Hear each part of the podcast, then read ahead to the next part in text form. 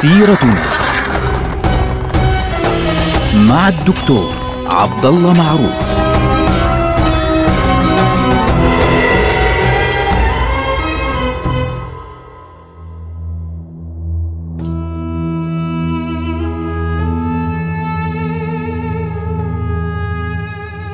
السلام عليكم ورحمة الله وبركاته. سيرتنا سيرة هذه الأمة العظيمة ونحن الآن في عهد الدولة العثمانية.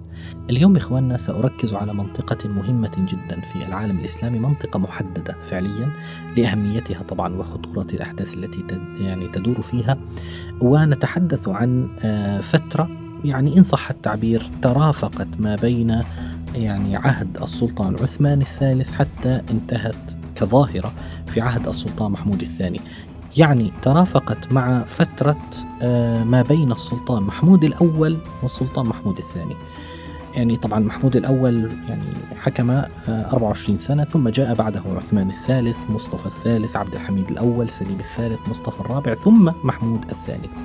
فإحنا لماذا لم نتكلم عنها سابقا؟ لأن نهاية هذه القضية أو هذه الظاهرة وهذه الدولة التي نتحدث عنها اليوم حدثت في عهد السلطان محمود الثاني الذي لا زلنا فعليا نعيش في آه، أو معه في فترته. هذه الحادثة وهذه الدولة التي ظهرت وانتهت في هذه المرحلة هي الدولة السعودية الأولى يعني ما يصطلح عليه باسم الدولة السعودية الأولى أو إمارة الدرعية التي ظهرت في عام 1744 للميلاد يعني في عهد السلطان محمود الأول تقريبا في منتصف عهد السلطان محمود الأول وانتهت تماما في آه، عهد السلطان محمود الثاني تحديدا في سنة 1818 يعني بعد عشر سنوات من تولي السلطان محمود الثاني الحكم.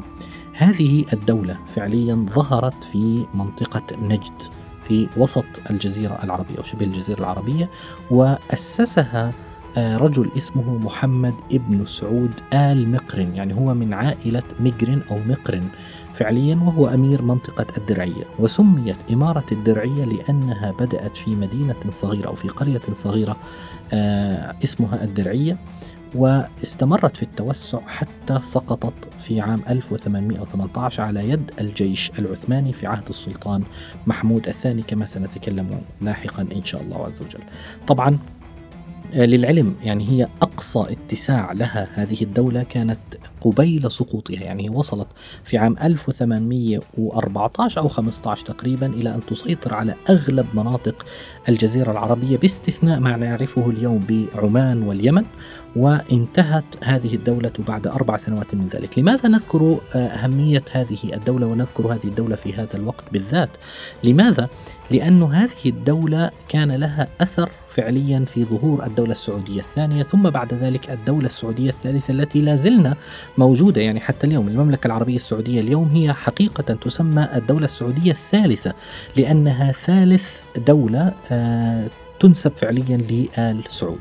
طبعا الدرعية هي قرية صغيرة جدا. أسست يعني قبل آه، زمن بعيد جدا. نحن نتكلم في القرن الثامن عشر بدايات القرن الثامن عشر تأسست هذه البلدة اللي هي الدرعية وأسسها رجل اسمه مانع ابن ربيعة الدرعي وسماها الدرعية نسبة إلى قرية صغيرة قريبة من القطيف. طبعا القطيف في المنطقة الشرقية من المملكة العربية السعودية أيضا.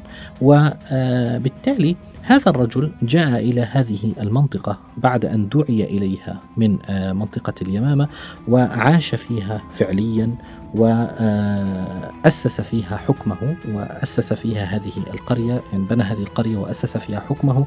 وبعد ذلك بقي الحكم في هذه المنطقة في الدرعية مستمرا بين أبناء مانع ابن ربيعة حتى سنة 1720 تقريبا عندما خلع موسى ابن ربيعة. على يد أهل الدرعية وتولى الأمر فعليا. هناك رجل اسمه سعود الأول ابن محمد ابن مقرن. طبعا سعود ابن محمد ابن مقرن تولى الحكم آه، عام حتى عام 1725 ثم بعد وفاته آه، خلفه رجل كبير بالسن اللي هو أكبر واحد سنا في العائلة اللي هو زيد ابن مرخان وقتل آه، في العام التالي في عام 1726 في عام 1726 تولى محمد ابن سعود ابن محمد ابن مقرن إمارة الدرعية. وهذا الرجل هو الذي يعتبر مؤسس الدولة السعودية الأولى. طبعا الدولة السعودية الأولى للعلم ليست مرتبطة فقط باسم آه، محمد أو الإمام كما يسمى الإمام محمد بن سعود وإنما ترتبط معه بشخصية في غاية الأهمية كانت قد ظهرت في ذلك الوقت ولها أثر ما زال حتى اليوم وهي شخصية الإمام محمد بن عبد الوهاب الذي أسس الدعوة التي تنسب اليوم له فتسمى الدعوة الوهابية. طبعا محمد ابن عبد الوهاب آه، سافر على عادة طلاب العلم سافر إلى مكة سافر إلى المدينة تلقى العلوم في كل مكان وسافر آه، إلى البصرة. يعني هذه واحدة من أهم الأحداث في حياته أنه تحرك باتجاه البصرة. وكان معروفا بأن آراءه ترتبط بالدرجة الأولى بمسألة القبور ومسألة التوسل بالأضرحة إلى آخره. فحدثت بينه وبين الأهل البصرة فعليا آه، عدة حساسيات وعدة إشكاليات فانتقل منها إلى منطقة الأحساء وتلقى العلوم هناك في آه، الأحساء. ثم بعد ذلك آه، يذكر أنه انتقل إلى منطقة اسمها حريملة ثم بدأ هناك بكتابة أشهر كتبه اللي هو موجود حتى اليوم على فكرة اسمه كتاب التوحيد الذي هو حق الله على العبيد. وهذا الكتاب يضع فيه محمد بن عبد الوهاب أساسيات آه، مذهبه العقدي المرتبط فعليا بقضية التوحيد المطلق ويعني واختلافه مع المتصوفة خاصة فيما يتعلق بقضية الأضرحة وغيرها. طبعا حدثت بينه وبين العلماء العثمانيين موجودين في الأحساء عدة إشكاليات وعدة يعني نقاشات آه، وحساسيات أحيانا. بسببها خرج محمد ابن عبد الوهاب باتجاه الدرعية. وهناك في الدرعية تتلمذ عليه يعني كان عنده تلميذان مهمان جدا اللي هو واحد اسمه ثنيان بن سعود والثاني اسمه مشاري ابن سعود. هدول الاثنين مهمين جدا. لماذا؟ لأنهما أخوان لأمير الدرعية محمد ابن سعود.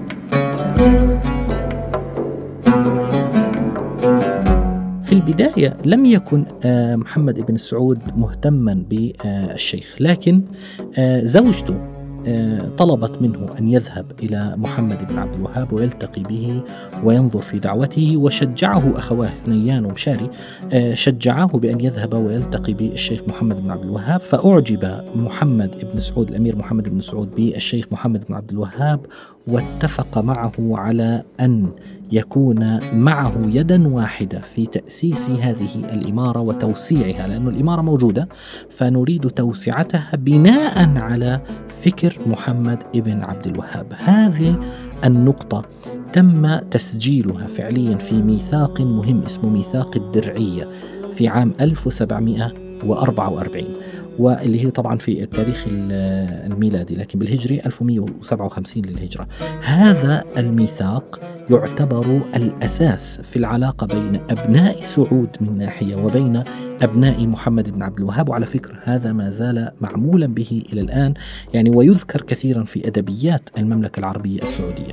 بعد أن تم توقيع ميثاق الدرعية الذي يمكن أن نسميه يعني الميثاق الذي انطلقت بناء عليه الدولة السعودية الأولى بدأ التوسع السعودي تحت عنوان آه، نشر دعوة محمد بن عبد الوهاب التي كانوا يسمونها في ذلك الوقت يعني هم يطلقون عليها اسم الدعوة الإصلاحية على اعتبار أنهم يصلحون عقيدة الناس. فبدأت آه، نشر هذه الدعوة وبدأ توسيع المناطق المختلفة. طبعا لاحظوا محمد بن عبد الوهاب كان يهمه انتشار مذهبه وانتشار رؤيته العقدية في مختلف المناطق. بالمقابل آه، محمد ابن سعود كان يهمه أيضا القوة السياسية والانتقال في مختلف المناطق المناطق والتوسع خارج منطقة الدرعية. فبدأ التوسع يعني آه، بعد التقاء المصلحتين بدأ التوسع فعليا في آه، نجد وحدثت آه، معارك كثيرة جدا بين الأطراف المختلفة سواء في منطقة نجد أو في المنطقة الشرقية أو في الجنوب أو أو إلى آخره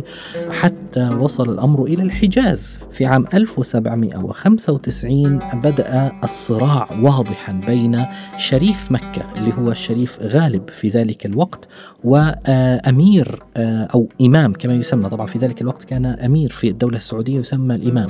الصراع قام بين الشريف غالب اللي هو هو المسؤول فعليا عن مكة. طبعا عندما نقول الشريف لأنه يعني يرجع في نسبه إلى النبي صلى الله عليه وسلم وبين آه الإمام أو الأمير آه المسؤول عن الدولة السعودية اللي هو عبد العزيز بن محمد آل سعود في ذلك الوقت. فبدأ الصراع بين الطرفين صراعا شديدا جدا.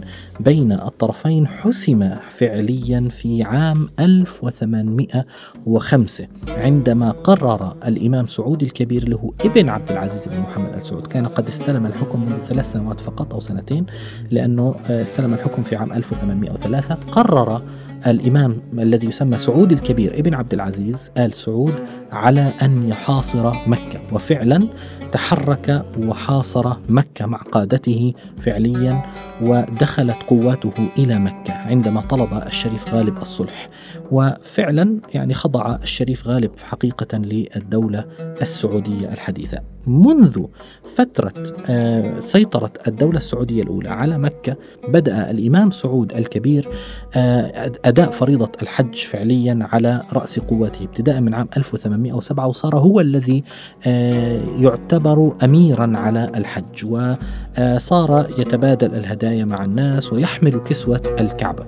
كانت الأمور كذلك حتى يعني عام 1818 عندما كانت الدولة العثمانية قد قررت تماما القضاء على هذه الدولة السعودية لأنها خرجت من يد الدولة العثمانية وسيطرت يعني منذ عام 1807 سيطرت على مكة والمدينة وهذه بالنسبة للدولة العثمانية كانت خطا أحمر بكل ما تحمل الكلمة معنى ولذلك استنفر الوالي العثماني محمد علي باشا اللي كان في مصر وابنه إبراهيم باشا وقاد حملة مصرية. كانت الحملة المصرية الأولى فشلت الحملة المصرية الثانية فشلت التي قادتها الدولة العثمانية ثم قاد إبراهيم باشا حملة مصرية للمرة الثالثة إلى وسط الجزيرة العربية وتمكن بعد معارك طويلة مع آه، قوات الإمام الرابع من الدولة السعودية الأولى اللي هو عبد الله ابن سعود الكبير. الذي تولى الحكم في عام 1814 لمدة أربع سنوات يعني 1814 حتى 1818 مع سقوط الدولة. آه، دخل معه في معارك عديدة وعنيفة جدا كانت نهايتها أنه دخل إلى مدينة أو قرية الدرعية اللي هي عاصمة الدولة السعودية الأولى وقضى على الدولة السعودية الأولى وقبض على الإمام عبد الله ابن سعود وأرسله مع من وجده كلهم من آل سعود إلى إسطنبول حيث حكم عليهم السلطان. محمود الثاني. ابن عبد الحميد الأول في ذلك الوقت حكم عليهم بالإعدام.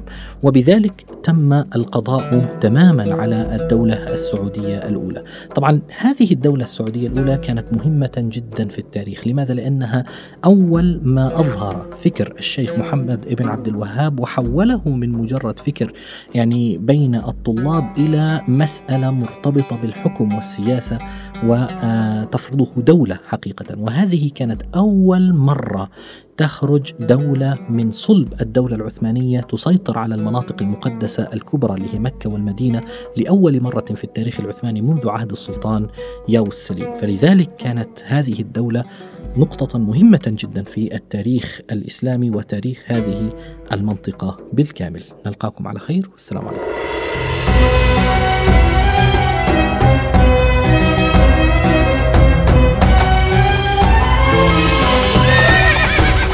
سيرتنا مع الدكتور عبد الله معروف.